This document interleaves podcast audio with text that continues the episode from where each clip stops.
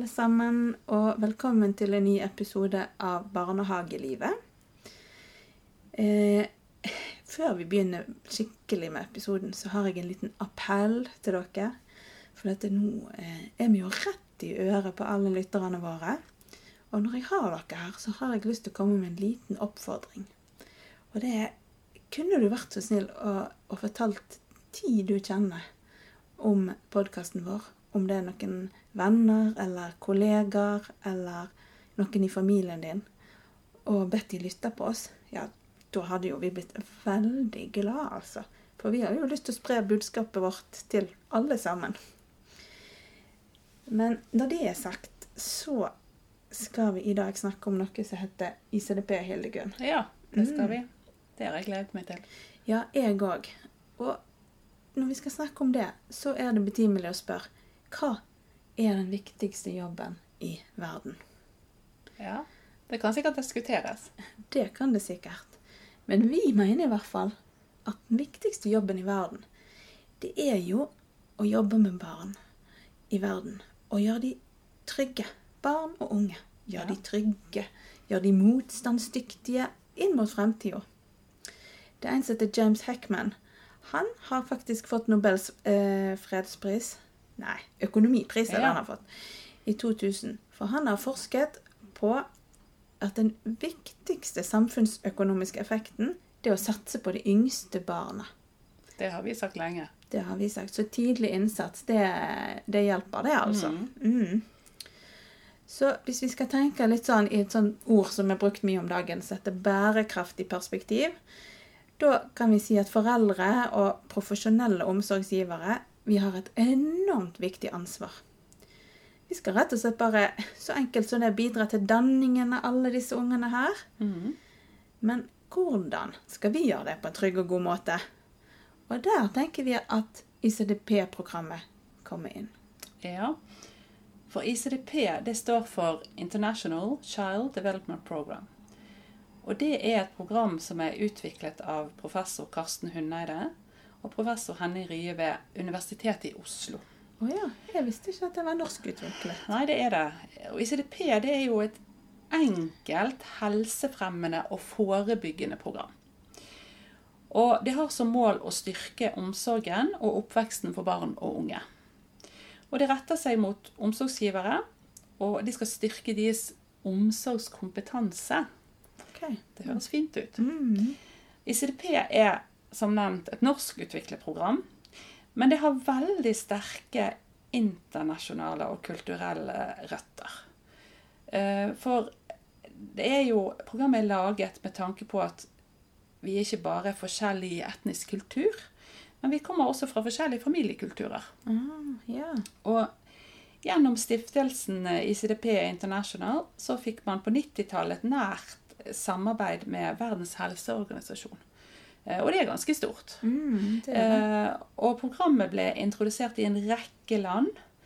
Eh, vi vet at det var utprøvd på helsestasjoner i Bergen. Mm. Men det var òg utprøvd i Etiopia, Etiopia, i Ah. Addis Abeba. Kult. Så det er ganske, ja det er litt kult, syns jeg. Men i hvert fall nå så er ICDP finnes i over 50 land rundt omkring i verden.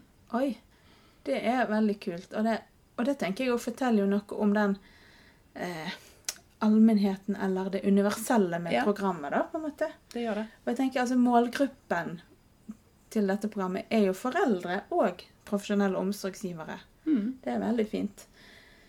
Altså, og, og det er veldig sånn det, det er lett tilgjengelig, har jo jeg opplevd når vi har jobba med dette programmet. Men likevel så er det jo godt faglig begrunna og forankra, egentlig. Eh, her i Norge så fins det ICDP-kurs, eh, bl.a. i regi av helsestasjoner.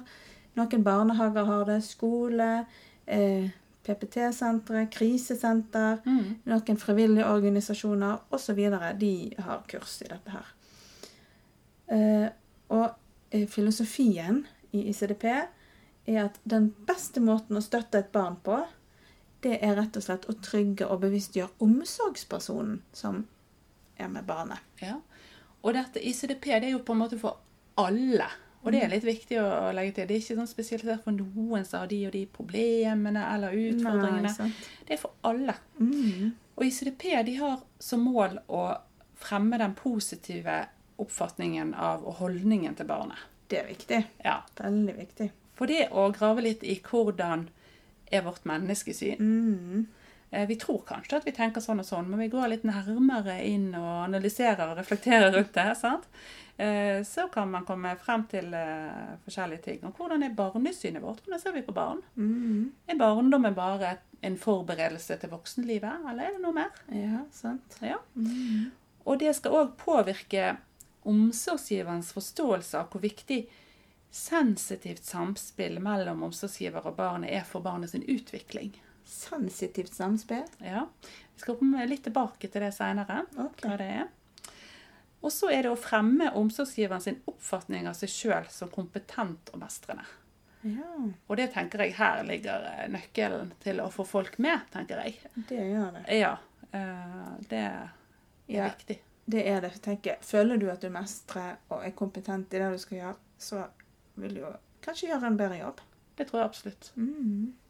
Som ICDP-veileder, jeg er sertifisert ICDP-veileder, Mm. så har jeg fått opplæring i ulike sensitiviseringsprinsipper. Eh, og det høres fint ut, så jeg skal bruke når jeg veileder foreldre eller kollegaer eller andre. Mm.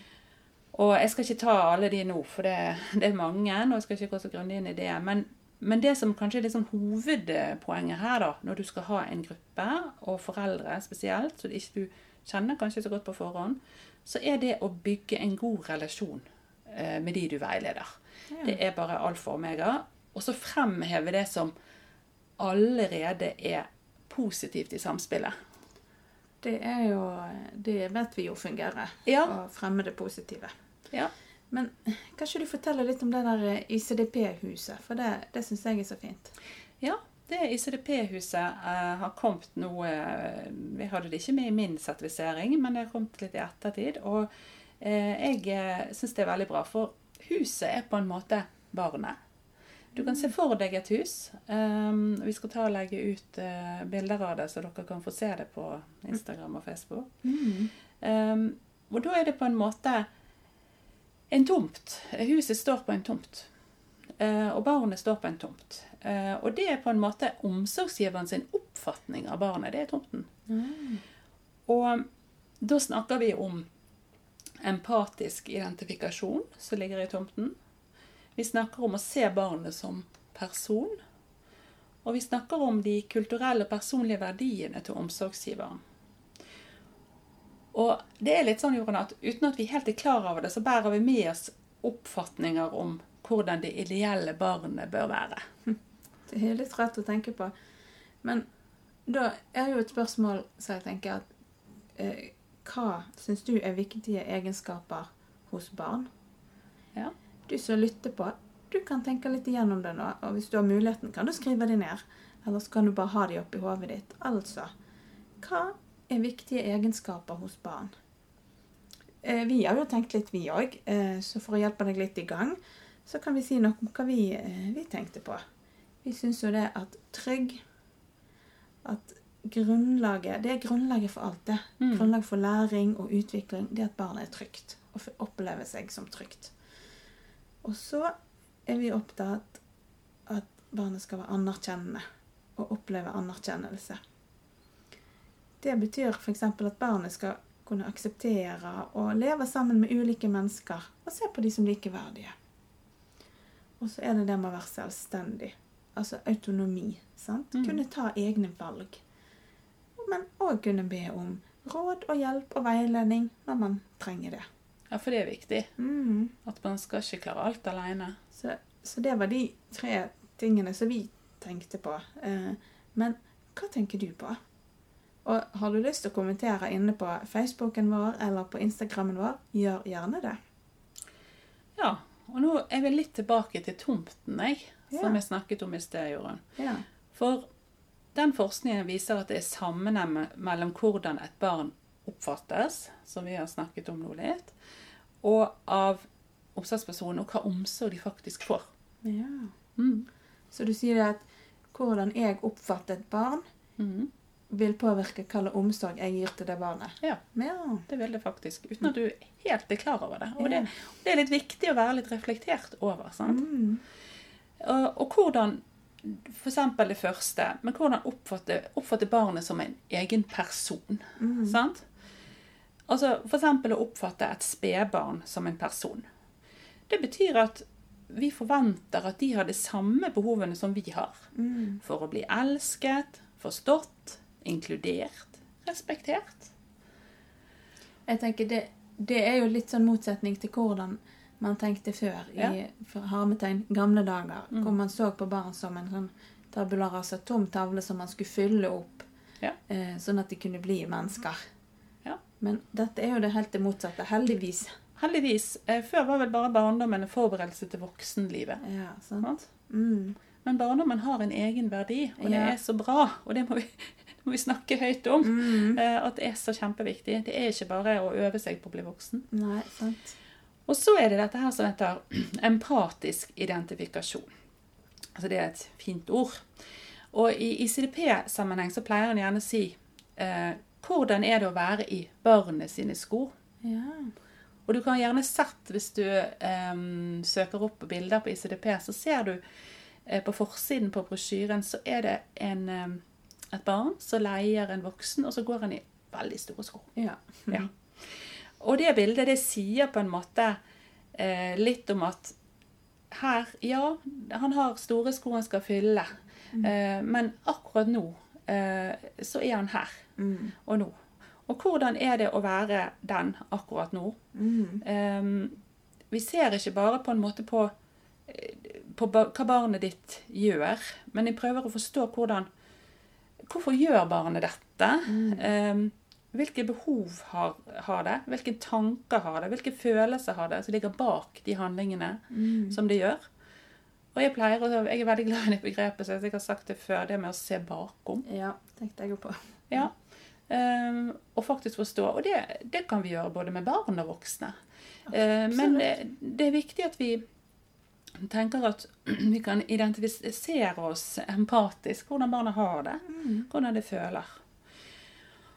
Og så er det de kulturelle og personlige verdiene som vi har eh, som voksne. Fordi at all bagasje vi har med oss fra livet vi har levd, det påvirker omsorgen vi gir til barn. Mm.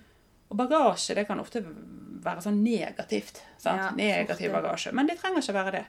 Eh, Det kan være bra opplevelser en har fått med seg. Det er alt vi har opplevd, og de verdiene en har identifisert, en, em, internalisert i seg. Mm. Og det er derfor det er så viktig å reflektere over egne opplevelser, og hvordan de har påvirket meg. Hva de gjør med meg som menneske. Eh, Og reflektere over egne verdier. Og hvorfor, hvorfor mener jeg egentlig dette? Og det, det syns jeg oppdaget når jeg ble mor sjøl. Ja. At plutselig så tenkte jeg mye mer over sånne ting enn jeg noen gang hadde hatt bruk for å gjøre før. Ja. Mhm. For da plutselig står du i situasjoner og så Oi, hva tenker jeg om dette? Hva mener jeg om dette? Hva er mine verdier her? Ja. Mm. Ja. Altså, du sa jo det at ICDP er et sensitiveringsprogram. Mm. Hva betyr nå det? Altså, det jeg tenker det, det Vi må øve oss i å tolke barna sitt ansiktsuttrykk, stemmekvalitet, hvilke gester de gjør, kroppsspråk osv. Mm. For vi vet jo det at helt små barn de kan jo ikke prate og sette ord på ting sånn som vi kan. Og, så da er det jo veldig viktig å fange opp disse signalene. Ja, det er jo helt avgjørende, rett og slett. Det er jo det. Eh, det er rett og slett en forutsetning for at vi skal kunne kommunisere med barn og barna sine følelser og hensikter, altså før de har verbalt språk. Men det er jo viktig, som du snakket om òg, det å se bakom. Og øh, gjerne da for eldre barn som har verbalspråk, så er det òg viktig at vi husker på å se bakom. Eh, hva er det som ligger til grunn for dette her? Eh, er bare, hvordan er barnets personlighet? Tenker vi at den er enkel, eller tenker vi at den er vanskelig? Mm. Eh, hva slags temperament og personlighet har barnet ditt? Ja, det spiller jo inn. Men da, når vi snakker om sånn sensitivering, så tenker jeg da er det jo veldig mye hvordan vi møter det barnet, da. Ja. Altså, altså, sant? Vi har jo jobbet mye med det som heter Bollemann. Mm. Det høres jo veldig rart. Kan ikke du forklare det? Jo, eh, sånn som jeg har hørt en historie i hvert fall. Eh, Bollemann er en mann. Eh, de tegner en person, eh, og så fordi at vi skal ha noe som heter redefinere eh, barnet. Eh, og da lager vi en eh, sånn eh, ja, stikkemann med en stor mage. Mm. Og da var det en, en mamma som hadde gått på kurs og sagt det ser jo ut som en bollemann. Og jeg, vet, jeg visste ikke om det var bare her i Bergen de kalte han for det, da, men nå var jeg i Trondheim og snakket litt om ICDP også. Det var noen som hadde hørt om det før, men det er ikke veldig kjent uttrykk, så det er kanskje litt sånn i Bergen vi bruker det. Ok, ja. Ja. Altså, da har du Poenget er i hvert fall at hvordan han ser ut, det er ikke så viktig. Men poenget er at eh, vi kan se på egenskapene til barn på forskjellige måter. Og vi kan tolke dem på forskjellige måter, ikke minst. Mm. Eh, og det er jo det den såkalte bollemannen kan hjelpe oss til. Å se ting i et nytt perspektiv. Ja. For det er jo fort gjort å tenke åh, hun her er så grådig sta. Hva Ja. skal vi gjøre? Hun er så sta. Men hvis du bruker bollemann og skal redefinere det, så kan du si her har vi en jente som er viljesterk. Ja. Og det kan fort oppfattes som mye mer positivt enn ordet da, ja. eksempel. Å være viljesterk kan jo være fantastisk bra eh, videre i livet, tenker jeg. Det kan det. Det er en Ja. god egenskap, Ja. egentlig. Sant? Og det, vi kan se på noen som, bruk, som er masete og tenker, åh, guri malla for en masete unge. Ja, hvis en skal redefinere det, hva kunne det vært da? Nei, altså En kan jo si bruke språket sitt aktivt, eller ha mye på hjertet. Jeg kjenner jo med en gang at, at det høres mye mer positivt ut Ja. enn masete. Det gjør jo det. Mm. Ja. Uh, eller hvis Sikkert møtt barn som du tenker åh, en hyperunge. Men hyper det er litt så negativt ladet. Så hvordan kan vi redefinere det, da? Nei, jeg ha masse energi. Ja. Det er jo Eller- nyttig. Som noen vi kjenner som sa veldig kreativ. Ja. ja. Altså, det, er, det handler litt om egentlig hvordan vi bare ser på situasjonen og på barnet. Mm. Og den, altså Vi har jo brukt Bollemann aktivt i jobb. sant? For Mm. det er nå litt sånn en gang at av og til så kan en låse seg litt fast Ja. i, i tanker, eller en blir lei og oppgitt. Og, både som forelder, men òg som profesjonell omsorgsperson. Og da kan det være utrolig lurt å ta en sånn eh, redefinering Mm. av, av eh, enkelte barn som man kjenner at det er behov for. Og plutselig så kan det barnet liksom bli løfta fram, og en kan se det på en litt ny måte. Og komme inn igjen på avdelingen med litt sånn Hei, hei. Sant? Ja. Litt sånn ja. ja, og det er klart hvis jeg hadde møtt deg med at uh, du er så masete, Jorunn. Ja. Eh, hvis jeg hadde gått inn i relasjonen med deg, det, så hadde jo ikke det vært så veldig positivt. Jeg tror ikke det hadde gjort så bra relasjonen mellom oss. Nei, sant? Men hvis jeg ville tenkt at du, du bruker språket ditt aktivt, ja vel, det er jo en kjempefordel. Mm. Eh. Så det gjør jo noe med relasjonen som vi bygger. da. Ja. Og nå er det sånn at ICDP det er bygd opp em, i tre dialoger eh, og med åtte forskjellige tema. Mm. Og nå har vi snakket om tomten eh, under huset. Ja. Eh, og hvis vi begynner å snakke om grunnmuren ja. Og alle vet jo at en grunnmur må være stødig og på plass for at vi skal kunne bygge videre på huset. Yep. Og sånn er det her òg. Eh, og de første, den emosjonelle dialogen eh, i tema 1 til 4 i CDP, eh, det er liksom grunnmuren i huset. Mm. Og tema 1, eh, det er så enkelt at vis at du er glad i barnet ditt. Altså, er du kan jo si at det er ganske naturlig og selvsagt. Ja. Men, men hvordan, hvordan kan vi altså Hvis vi skal sette ord, prøve å sette litt ord på det, da?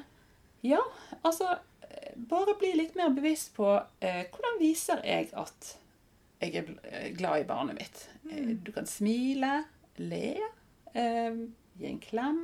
Ja. Eh, som foreldre kan du si at du er glad i dem. Leke og tulle. Ja, Gi trøst, kanskje? Ja. ja. Se de, rett og slett. Rett og slett. Ja. Mm. Og det er ganske enkelt, men jeg tror at det er lurt å være bevisst på det. Og ta det frem og hente for Hva gjør jeg? Ja, nå viser jeg at jeg er glad i barnet mitt. Mm. Ja, så flott. Og så har vi tema to. Se og følg barnets initiativ. Og det handler jo om å være til stede. Du må nesten det. Ja. 100 Ja. Ellers så går du glipp av ganske mye. Ja. Mm. Um, og hva tenker du mer, eh, Jorunn? Hvordan kan jeg følge barnets initiativ og se det? Altså, det er jo viktig å høre på barnets tanker og meninger når de Ja. har blitt så store at de har ver verbalspråk. Mm. Uh, og før den tid så tenker jeg er jo litt det vi snakket om i sted, men å se på ansiktsuttrykk, Mm. stemmekvalitet, gester Mye av dette tenker jeg eh, det går helt naturlig for oss. Når du har en liten baby som ligger på stellebordet, og ba- babyen smiler, ja, så smiler man tilbake som omsorgsperson eller forelder. Mm. Men det er viktig å tenke over det, og bare reflektere litt rundt det. Mm. Mm. Ja. Da gjør du allerede noe veldig bra. Mm. Eh, sant? Og så er vi over på tema tre. Og det er ta del i barnets følelser. Og eh, det er mye følelser Det kan det være, i løpet av en dag. sant? Men eh, eksempel et lite barn, det som ikke kan ha ver- verbalspråk ennå, det gråter når det trenger oss. Mm. Eller er urolig, eller viser på en måte med kroppen Mm. og stemmen at det trenger oss. Sant? Og når, når du opplever da at babyen ligger og gråter, ja, så tar du gjerne babyen opp. Å ja, var du sulten nå? Eh, trenger du ny bleie? Trenger du litt trøst? Og da eh, tenker jeg, da tar du del i barnets følelser. Ja, Mm. For det er jo sånn du kan gjøre det med de som ikke har verbalspråk. da. Men når de blir større, sant? så er det jo det å være i, i følelsene med de da. Mm. Sant? Og faktisk vise at følelser er ikke farlig. At jeg tenker der, du som omsorgsperson eh, må vise at du tåler, tåler disse følelsene. At det går fint. Det kan jo være litt utfordrende innimellom eh, som foreldre, i hvert fall. sant? Mm. Når du er så tett på barnet ditt. sant? Men jeg, i hvert fall det viktigste eh, som er, er bare det er liksom anerkjenn følelsen, anerkjenn følelsen. OK? Ja? Ja, og det er rett og slett at når du da står der og barnet ditt er kjempesint for det ville ha is før middag, Mm. eh, og det vet du jo at det er jo egentlig ikke så lurt, Mm. eh, for da kommer sannsynligvis det barnet ikke til å spise middag, og det er ikke så næringsrikt å spise en is, eh, for det trenger god og sunn mat. Eh, så skal du si, vet du hva, jeg forstår kjempegodt at du har lyst på is før middag. Så kan, men så kan du forklare at det er ikke så bra for kroppen din at du får is nå før middag. Mm. Da har du anerkjent følelsen. Mm. For den følelsen, den er reell. Ja, den er reell. Helt reell. Om man er så gal som bare juling, så er den reell. Ja, det er nok det, altså. Eh, og barnet Det er ikke dermed sagt at barnet kommer til å bli fornøyd, eller Men du har på en måte i hvert fall tatt det på alvor. Det er det. Ja. Altså, jeg, jeg pleier å si med anerkjennelse Det, det handler ikke om å, at du skal løse alle utfordringene for barnet. For, for det trenger ikke barnet. Men det trenger å, å bli anerkjent. Sant? Det trenger akkurat det som du sier. Det trenger at du beskriver det du ser. Nei, nå ser jeg du ble sint fordi du ikke fikk is. Det forstår jeg godt, for nå hadde du så lyst på is. Og min erfaring er at allerede der så har en vært med å regulere litt i følelsene, Ja. og barnet begynner allerede å komme litt på plass. Bare fordi de har fått den anerkjennelsen de trengte. Mm. Ja, det er helt sant.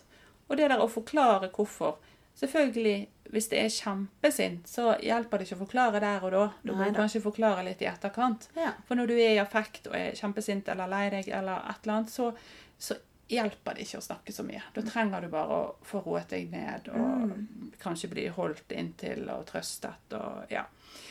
Men det er i hvert fall Vi må hjelpe barna til å, og støtte dem på at følelser ikke er farlig. Mm. Vi må tåle å stå i dem, sånn som du sier, sammen med dem. Ja. Ja. Og så går vi over på tema fire. Eh, og det er å gi ros og anerkjennelse. Og da er dette her med ros. Eh, Hva, hva er ros, og hva ros skal vi gi? Ja, sant? Vet, vet, det har jo vært mye eh, diskusjoner i siste tid i forhold til det begrepet flink. Ja. Sant? For hva gjør det? Gir det barnet en god selvfølelse, eller er det bare selvtilliten som. Blir styrket? Mm. Og så tenker jeg, man kan bruke det ordet. Være, det er jo bare et ord, man skal ikke være redd for det, men det kan være lurt å reflektere litt og tenke gjennom. F.eks. er du på rusjebanen eh, med ungen din og sitter øverst og sier 'se på meg', så trenger du nødvendigvis ikke å si når barna rusher ned 'å, hvor flink du var', men heller å si 'å, det var så kjekt å være her og rushe med deg i dag', nå koser jeg meg veldig', Mm. for eksempel. Ja. Og, og du kan eh, bekrefte når barnet står øverst på rusjebanen og sier 'se på meg'. 'Å, er du litt spent?' Ja. Eh, tror du det kommer til å kile i magen når du rusjer?' Mm. Ta del i følelsen kanskje barnet har istedenfor si Mm. 'så flink du er'. Men selvfølgelig så trenger jo vi i forhold til å bygge opp eh, altså jeg tenker Selvfølelsen er jo den viktigste å bygge opp. Mm. Og den bygger vi opp med å se barnet for den det er. Mm. Eh, sant? Vi er glad for at vi har fått akkurat deg, pleier jeg å si til barna mine. Å, så heldig de er som får høre det. Takk. Eh, fordi at jeg har så lyst til at de bare skal kjenne at ja, akkurat sånn som jeg er. Ja. Med mine eh, gode sider og litt eh, svakere sider, så er jeg akseptert akkurat sånn som jeg er. Mm. Men selvfølgelig så trenger vi også selvtillit. Ja da. Klart. Og vi trenger å øve på ting, og vi trenger å kjenne på mestring. For det gjør at vi har lyst å gå videre og øve på mer og utvikle oss. sant? Og det er lov å si så god du er blitt å svømme. Nå ser jeg at du har øvd deg masse. Ja. Eh, og ser du hva du klarte? Og det der du klarte. Ja. Istedenfor å si 'kanskje så flink du er', så kan du si 'du klarte'. Mm. Eh, for da, kjen, da liksom, kan du kjenne inni deg Yes! Eh, barnet kan kjenne inni seg Jeg klarte det. Mm. Yes, jeg mestret det. Jeg, jeg har brukt det òg når vi har gått på tur eh, i barnehagen. sant? Og så Mm. er det jo noen unger som syns at noen bakker er lange og Ja. tunge og litt harde å komme seg opp. Sant? Men så er det jo da å oppmuntre og synge, og plutselig så er en på toppen. Men det å stoppe opp, da, snu seg rundt sammen med barna og si 'Se på den bakken. Mm. Vi klarte det sammen. Yes! High five. Ja. Altså, se hva du fikk til. Og da var du et støttende stillas, du, da. Ja, det er Sant. sant. Men det er jo òg en anerkjennelse og en Ja. ros. Men se, som Ja. du sa, se hva du klarte. Ja. Mm. Ja. Og da klarte du å hjelpe det liksom opp, og så får det kjenne på mestring. Og neste Mm. gang så klarer det kanskje bakken nesten helt aleine, Ja. uten å måtte bli uh, få hjelp hele veien. Sant? Mm. Ja. Så eh, det er mange måter man kan gi ros og anerkjennelse på, altså. Det er Det det. er det. Og, men nå skal vi, der har vi vært igjennom den emosjonelle dialogen. Og den må være på plass. Men selvfølgelig så jobber vi med disse dialogene parallelt. Eh, For det er jo ikke sånn at vi bare jobber med den emosjonelle dialogen, og så går vi videre til neste. Men, eh, Men det er jo grunnmuren, som det er grunnmuren som er viktig. Den må være på plass. Mm. Den er nødt til å være på plass. Ja. Eh, fordi at da har du tryggheten. Da har du, har du vist at du er glad i, i barnet, sant? og du blir tatt på alvor. Mm. Men vi skal over i den meningsskapende og utvinnende dialogen. Ja. Det er tema 5-7. sju. og det som jeg oppdaget med det huset, da, som jeg nylig oppdaget, er det faktisk eh, det er det at de etasjene sant? de bygger på hverandre. Nå er vi på en måte over eh, grunnmuren. Og de har vinduer, de etasjene, Jorunn. Ah. Og det symboliserer på en måte vinduene ut mot verden. Ja. Sant? Eh, og der vi skal beskrive virkeligheten og forklare for barna hvordan, hvordan er verden. Vi eh, skal forklare verden for dem. ja, sant. Det er ikke noen liten oppgave, akkurat. Nei. Og da begynner vi på tema fem. Det er felles oppmerksomhet eller felles opplevelse. Og barnet trenger ofte hjelp til å samle oppmerksomheten sin. Ja. det kan gå litt fra det ene til det andre. Em, og det er mange ting vi kan gjøre for å, å hjelpe dem å holde på oppmerksomheten og samle den. Um, men du kan f.eks.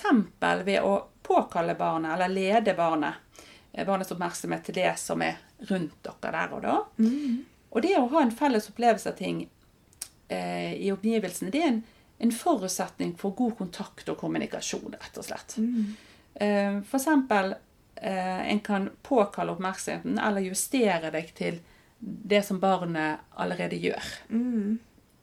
Og det er jo forskjell på eh, et spedbarn og et lite barn og et Mm. litt eldre barn. Ja, sant. Og et lite barn, da. Mm. Eh, Hvis f.eks. Eh, en toåring eh, ja, ser f.eks. en ball, eh, og så går han bort og så tar han på ballen, f.eks. Så kan du som voksen koble deg på, Mm. og så kan du si ja, se der er en ball som er rød. Eh, den er rund. Du kan snakke litt om den. Skal vi trille ball sammen? Har du lyst til å leke med den? Sånn, Altså, det er mange ting du kan si. Mm. Jeg tenker, det, det gjelder jo mye det samme med de barna som er litt grann eldre. Mm. Eh, men selvfølgelig kan bruke litt mer verbalspråk og sånn, som regel. da. Mhm. Eh, det er eksempel hvis et barn snakker om et fotballag som det er veldig opptatt av. Da kan du bare kable deg på barnet sitt fokus. Sant? Og så kan dere samle dere om en felles samtale. 'Å ja, ja, du liker Liverpool. Ja, ja nei, jeg liker jo Manchester.' 'Hæ?' Ja. Og så Da har jo dere allerede en samtale i gang. sant? Det har du. På felles fokus. Ja. Og så er det litt sånn hvordan vi påkaller oppmerksomheten til barn, da. Mm. Um, de som er små, ett til tre år, mm. eh, det er jo en viktig forberedelse når vi f.eks. skal skifte aktivitet. Mm. Sånn, så må vi forberede. Ja. Ja. Og hvordan kan vi gjøre det, Jorunn? Nei, du kan jo eh, berøre barnet, ta det på skulderen, si at du har fått øyekontakt, f.eks. Mm, ja. Mm. Og si at nå er det, noe, det er vanskelig for eksempel å si om fem minutter skal vi rydde. Ja. For hva er fem minutter for et barn Nei, som er to det- år? Men du kan jo likevel si det, eh, for at man blir vant til at man blir varslet på en måte. At Mm. Ja. nå skal vi rydde, så skal vi kle på oss. Sant? Ja. Um, og når de er eldre, eh, de som er 36 år da, Jørund Altså, det er like viktig der å Ja. forberede til Mm. At du skal inn i noe nytt. En ny aktivitet. En overgang, som vi gjerne kaller det. Ja. Og der òg Du kan ta på barnet, se at du har fått kontakt. Og der Du må jo se an barnet litt, da. Mm. Eh, for noen så får du jo lett oppmerksomheten. Sant? Og du ser at de følger med og blir kontakt. Mens andre må du kanskje bort og ta på og si Hei, du. Nå er det sånn at vi skal avslutte denne aktiviteten, og så skal vi snart gå ut og kle på oss. Ja. Men eh, jeg tenker på skolen.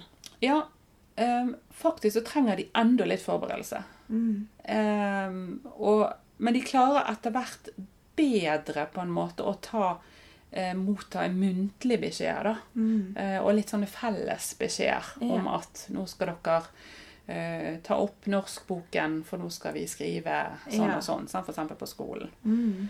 Eh, men det er Men de trenger forberedelse, de også, altså. Mm. Eh, Altså, jeg tenker, Det er jo logisk. Tenk på deg sjøl. Du sitter og jobber med et eller annet, eller holder på med hobbyen din, eller hva som helst, og så kommer noen og sier 'Nå skal vi gjøre noe'. ja. Du hadde jo satt pris på hvis du sa 'Du, eh, middagen er klar om en halvtime'. Ja. Da får du liksom tid til å avslutte det litt, da. Jeg hørte, Når du sier det, så hørte jeg et veldig godt eksempel oh, ja, eh, ja. med en mamma som fortalte eh, Det var det med gaming, for eksempel. Ja. Så var det Hun hadde liksom sagt sånn fem minutter før. Eh, 'Ja, nå er middagen klar om fem minutter.' Yeah. Men de kom jo aldri eh, ned. Og disse her er jo større, sant? Yeah. Eldre gutter.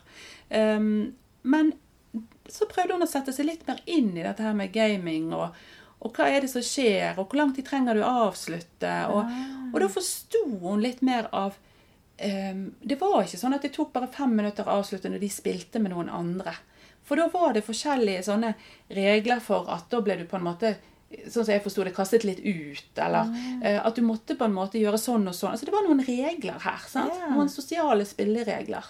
Eh, og for at du skulle liksom være med, og sånn, så måtte du gjennomføre det. Så nå sa hun at nå var hun begynt å rope 'Nå er det en halvtime til middag'. Ah, Da kom de. det fungerte Da bedre. klarte de å avslutte. Ja, Og det syns jeg var så fin. Eh, altså Hun bare gikk inn tenkte OK, hvordan kan jeg tilpasse dette her eh, bedre, sånn at det blir bra for alle? Altså Det der var jo et stjerneeksempel, for her har hun jo brukt flere ting. Ja. Hun har jo tilpasset seg òg de andre temaene vi har snakket om. Ja. Hun har jo tilpasset, tilpasset seg til barnet og vært en sensitiv eh, som har Og, og hun har òg tenkt bakom. Ja. Barnet kommer ikke fordi det ikke vil, men oi, det er noe som gjør det. Ja. Her er det sosiale spilleregler. Og det kan være med å skape problemer for barn i etterkant. Da må jeg Ja. Hva kan jeg gjøre, da? Ja, må jeg sette meg inn i faktisk eh, eksempel, Ja, altså. det var det. Jeg syns det var et veldig godt eksempel. Mhm. Og, men så skal vi gå videre til tema seks, eh, som jeg syns er kjempespennende. Og det er å gi mening til opplevelser vi har sammen. Ja. Og det er ved å sette ord på ting, gi navn til, vise hvordan ting fungerer. Samtidig som du viser følelser og engasjement for det du opplever sammen. sant?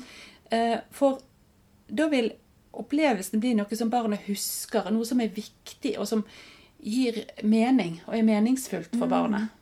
Sant? Og for eksempel du kan snakke med barnet om det dere opplever sammen. Hvis du eh, eh, finner en eh, meitemark ute. Eh, OK, ja, se her, ja. Eh, dette her er en meitemark. Eh, har du sett en sånn før? Eh, sant? Og liksom, ja, kanskje barnet Ja, jeg fant en sånn i barnehagen når vi gravde i eh, blomsterbedet. Sant? Og liksom og gi navn, beskrive hva det er. Mm. eh, kanskje du kan noe om en meitemark, eller kanskje, eh, kanskje dere må gå inn og finne en bok om en meitemark, eller slå opp på internett. Og det at du Men det viktigste er kanskje at du viser entusiasme og engasjement. Hvis barnet på en måte er Her er de interessert, her holder de på å grave, se, jeg har funnet en makk. Um, hvordan de opplever det sammen, rett og slett. Det er jo det. Og så tenker jeg også på det der at du kan liksom Du har jo en rolle for å gjøre det ukjente til noe kjent. Ja. Vi snakker jo ofte om eh, førstehåndserfaring. Det vil si at et barn møter en gjenstand eller en opplevelse for første gang. Eh, eksempel så ser barnet en rund lampe som henger i taket. Og et lite barn det kan f.eks. si ball. For det er det det har erfaring med med runde objekter, at det er en ball. Ja. Og da tenker jeg, da er det jo veldig viktig at du som voksen er der og hjelper barnet sette ord og beskrive og sier ja, det ligner på en ball, for han er jo rund. Men dette er faktisk en rund lampe. Se, det kommer lys eh, fra lampen her. Kom bort, skal jeg vise deg noe. Og så kan du vise lysbryteren. Eh, Hvis du Ja, ja. har lyst. da. De, Ja. de fleste barn oppdager kanskje den av seg sjøl, og så har de en liten periode hvor det er veldig gøy. Kommer til å gå av og på mange ganger, da. Det gjør nok det. Men sant? da gjør du noe ukjent til noe kjent. Ja. Mm. Og dette er jo, dette er jo Piaget sin teori, som jeg syns er kjempespennende. Så dere, hvis dere vil eh, lese mer om adaptasjon, Ja. eh, så må dere slå det opp. Og nå er vi kommet til tema sju, som jeg òg syns er kjempespennende. Jeg også. Og det er kanskje det jeg føler jeg gjør mest, eh, eller kanskje det jeg syns er aller mest spennende eh, av alle temaene. Og det er å lage sammenhenger og utdype og gi forklaring på felles opplevelser.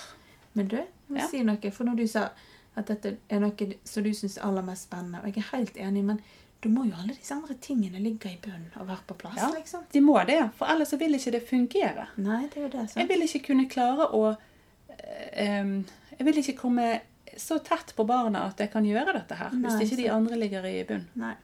Så Bare tenker det er veldig viktig å det er viktig å si. Det er helt riktig. Og, men for at barnet skal forstå verden sant? Vi tenkte på vinduene i huset sant? Mm. rundt seg. Så er det viktig at du gir det forklaring eller forteller historier om hvorfor ting skjer. Mm.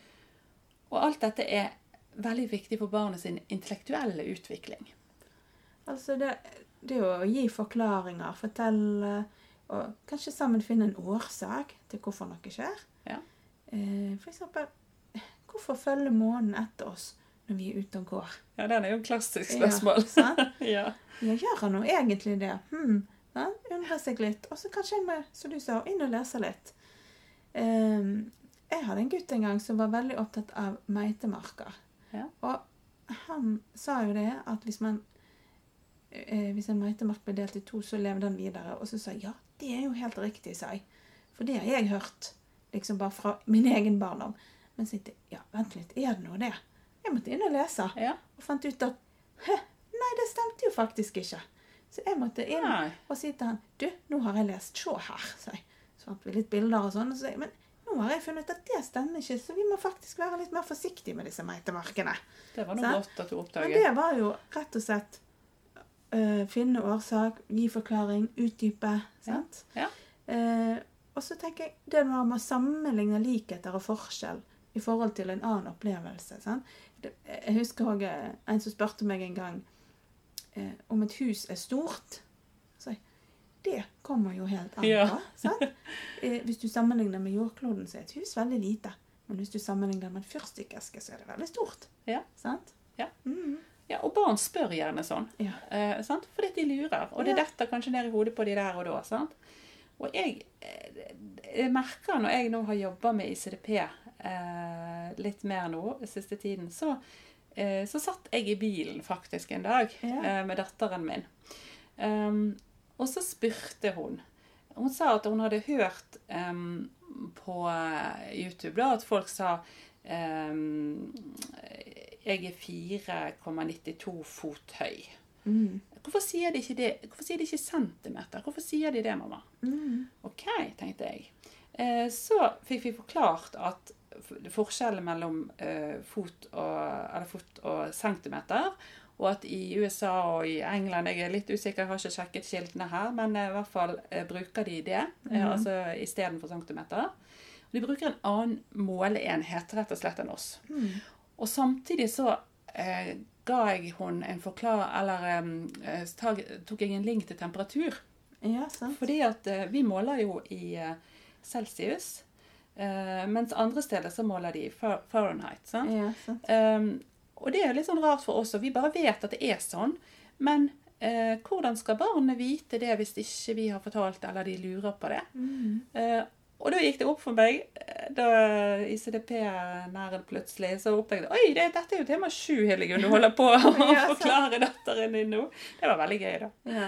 Ja. Eller sant, det der òg når du begynner sammen fortid og, og fremtid. Ja. Husker du når vi var i Kristiansand dyrepark, Mm. og da så vi en sånn ape akkurat sånn som Pippi har? Ja. For Får de en Da- referanse, sant? Da hjelper du å lage sammenhenger. Ja. Eh, og, og du kan liksom Du kan se på bilder, dere kan tegne, du kan fortelle historier som kan hjelpe å sette tim, ting i sammenheng. Og for eksempel Karius og Baktus er vel noe de fleste har vært borti. Ja. Og om det er pedagogisk korrekt en dag i dag, det, det kan jo Nei, sikkert ja, diskuteres. Men alle kjenner til det og vet at det handler om tannhelse. Og det hjelper oss eh, til å sette ord på ting som har med tenner og tannhygiene og tannhelse å gjøre.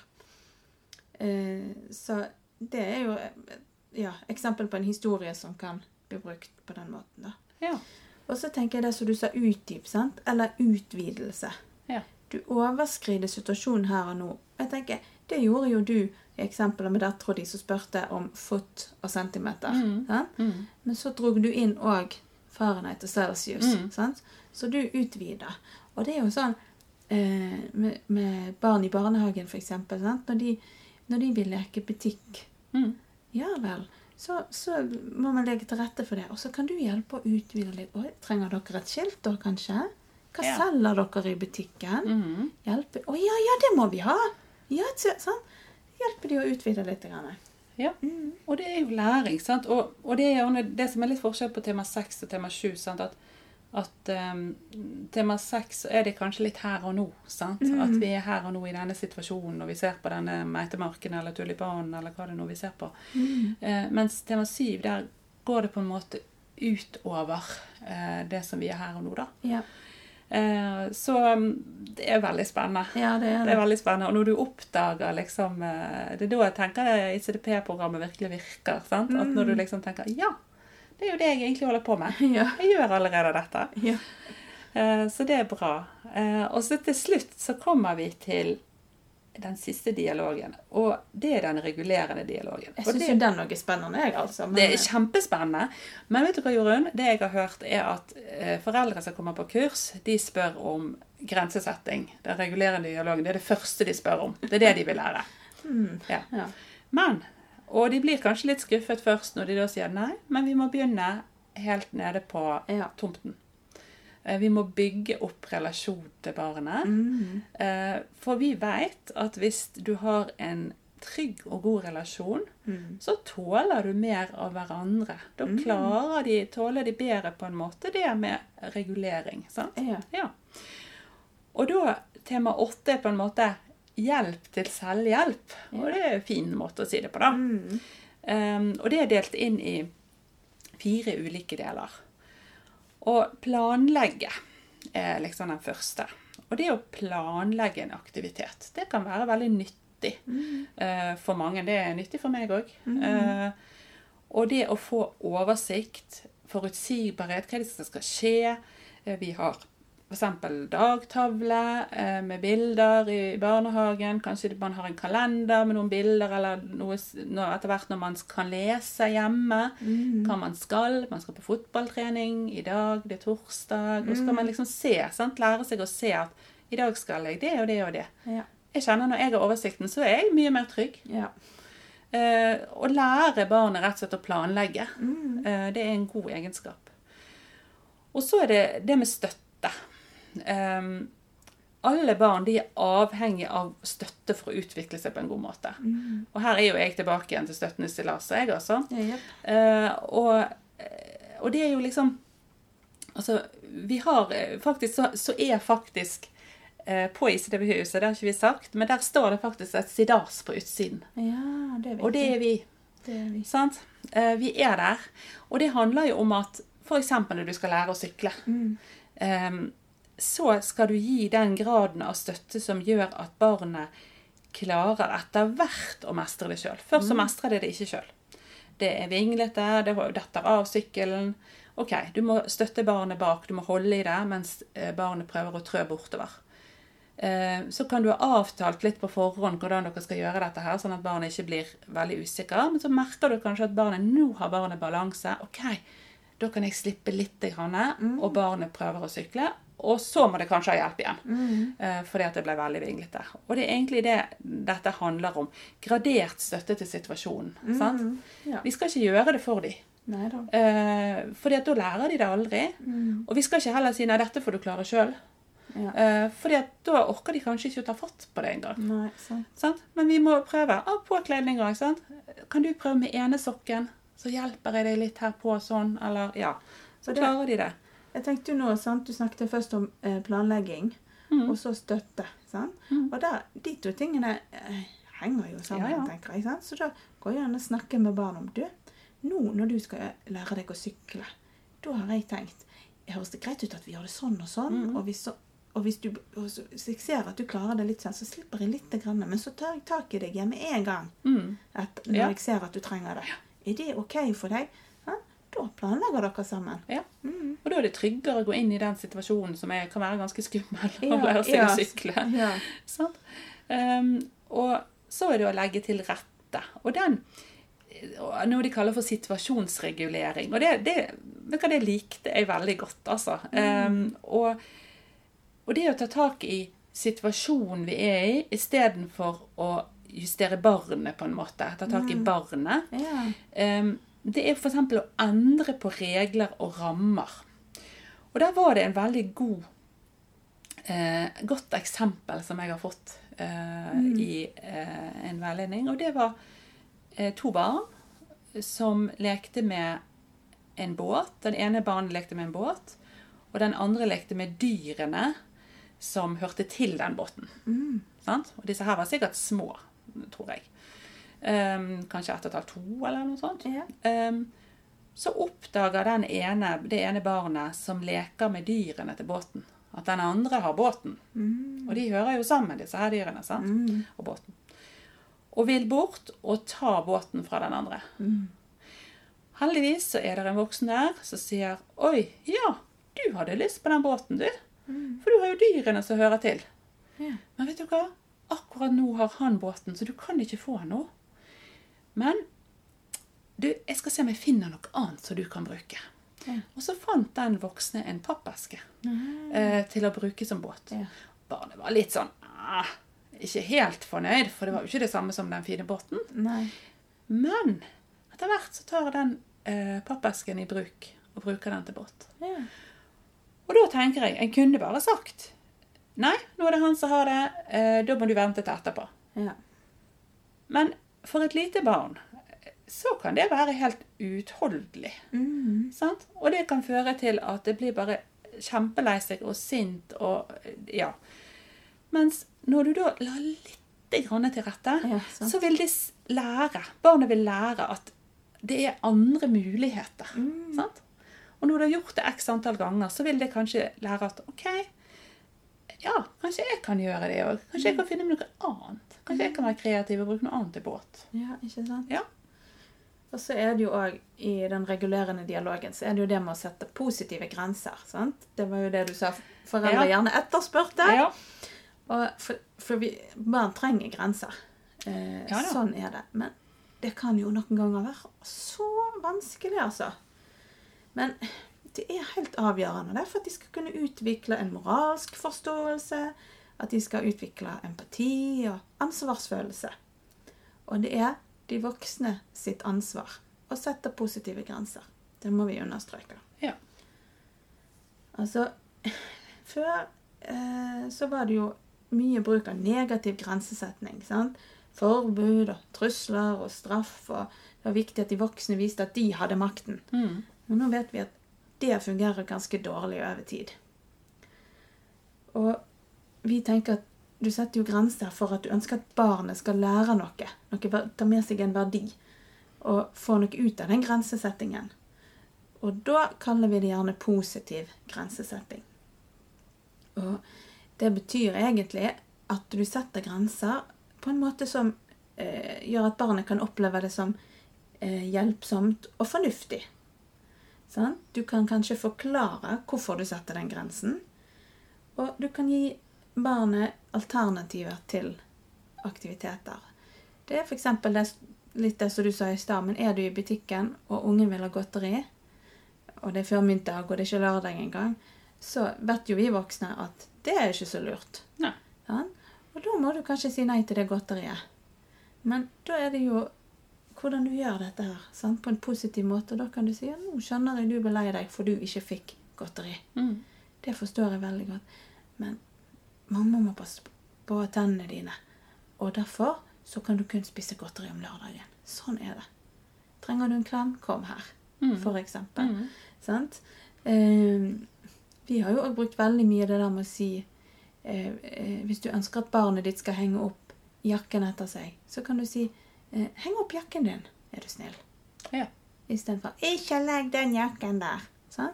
Vi setter en grense, for vi har lyst til at barnet skal henge opp jakken, men vi gjør det jo på en positiv måte. Sånn? ja. Og nettopp der er jo Vi har jo lært at vi vet vi ikke skal si 'ikke'. Ja. Eh, For hjernen oppfatter vel eh, ikke det så godt. Nei, det er noe med det. Så eh, vi vil jo gjerne Hjernen oppfatter på en måte eh, Eller barnet Vi vil jo at barnet skal gjøre det. Vi vil at barnet skal henge opp jakken. Mm. Eh, Og da må vi si faktisk hva vi vil at barnet skal gjøre. Ja. Og ikke det som det ikke skal gjøre. Nei, det, det, det er faktisk veldig viktig. Og så Jeg så en sånn Instagram-post her bare i forgårs eller noe sånt, som handlet litt om det med grenser. Ja. Eh, og at det kan være veldig vanskelig. Og man kan fort liksom Hva skal jeg si Havne i den fellen når man tenker at å, jeg skal jo være en sensitiv voksen, jeg skal se barnet, jeg skal tune meg inn på barnet og alt dette. Betyr det at jeg ikke kan si nei? Betyr det at jeg ikke skal sette en grense? Jeg skal jo òg anerkjenne. Kan ikke jeg da si nei? Altså, jo, det kan du. Ja. Og vi sier høyt og tydelig barn trenger grenser. Men de trenger ikke kjeft og trusler og straff og de tingene. Men de trenger positiv grensesetting. ja. Mm. Og det at du har eh, Da er det bedre at du har noen få tydelige eh, grenser, eh, enn at du har mange forskjellige grenser som er litt sånn eh, Står litt på forskjellige steder hver gang. Mm. At du heller tenker at nå er det dette jeg må fokusere på, og så får det andre vente litt. Grann, sant? Nå Mm. jobber vi med ett område her, liksom. Sant? Og så, ja. Mm. Uh, ja. Men det, det kan jo være tøft som foreldre å Ja. tåle å stå i det. ja. sant? Eh, og er du på butikken, ja, så ser jo alle de andre at ungen din Ja. hyler og skriker. da, eksempel. Mm. Det er jo ikke gøy. Og det kan vi bare anerkjenne at det er det ikke. For vi har jo opplevd det, vi òg. Det, Ja, det er jo ikke gøy. Nei. Men så er det noe med å være litt trygg i seg sjøl og tenke at det er, min, det er mitt voksenansvar å stå i dette her. Ja, Mm. det er det absolutt. Og, og så når du har litt eldre barn, sant, så, så går det jo an å, at de kan være med og forhandle hvor den grensen skal gå. Sant? De kan få opplevelsen av å være med og bestemme, de kan bli tatt på alvor. Mm. Eh, eksempel, eh, min datter er så gammel nå at hun kan være litt med og diskutere leggetiden sin. Ja. Mm. Og det er veldig viktig. Mm. Eh, For da kjenner jo en på mestring og bli tatt på alvor som person. Ja, Sant? det er jo det. Ja. Og, men følelser er vanskelig. det vet vi. Er det. Ehm, og når både du og barnet ditt er sint eller opprørt, eh, så er det viktig at en klarer å roe ned seg sjøl først. Mm -hmm. så vanskelig det kan være. Ehm, Er det sånn med den oksygenmasken på flyet, da? Er Ja, det det er jo liksom det, sant? Ja. Fordi at du trenger å fungere normalt. Du trenger oksygen først for at du skal kunne hjelpe barnet ditt. Mm. Hvis du er utenfor eh, følelsesmessig, så trenger du å når du kanskje sier, vet du hva, nå, mamma, nå ble mamma veldig sint, nå trenger jeg litt pause her. Nå setter jeg meg på sofaen her i to minutter og puster litt, og så kan vi snakkes litt etterpå, Mm. eh, for eksempel. Eh, jeg er her, men jeg trenger å være litt tid for meg sjøl. Mm. Um, fordi at jeg klarer ikke å sette gode og positive grenser hvis en er opprørt og sint eller lei seg. Eller, ja. Eh, og det nytter i hvert fall ikke å sette grenser for et barn som er veldig sint eller lei seg eller frustrert. Um, så når du sjøl har klart å roe deg ned, så må vi se om vi klarer å roe ned barnet eh, Mm. først. Før du kan snakke med barnet. Mm. Uh, og det høres jo litt sånn åh, liksom, ja, du skal gjøre alt dette. Men, men jeg tror uh, det er kjempeviktig for at det skal bli noe positivt ut av det. Mm. Og så er det jo lurt, sånn som du snakket om syklingen, at eh, eh, avtale litt på forhånd at når du blir sint eller lei deg eller sånn, frustrert, hva, hva trenger du da? Mm. Eh, jeg vet hva voksen, hva jeg trenger. Mm. Jeg trenger sånn ingen Ja, kanskje du ikke snakket med noen, nå, trenger jeg å være for meg sjøl, jeg trenger sånn og sånn. Mm. Trenger du eh, å være på rommet ditt? Trenger du at jeg holder rundt deg? Hva er det du egentlig trenger?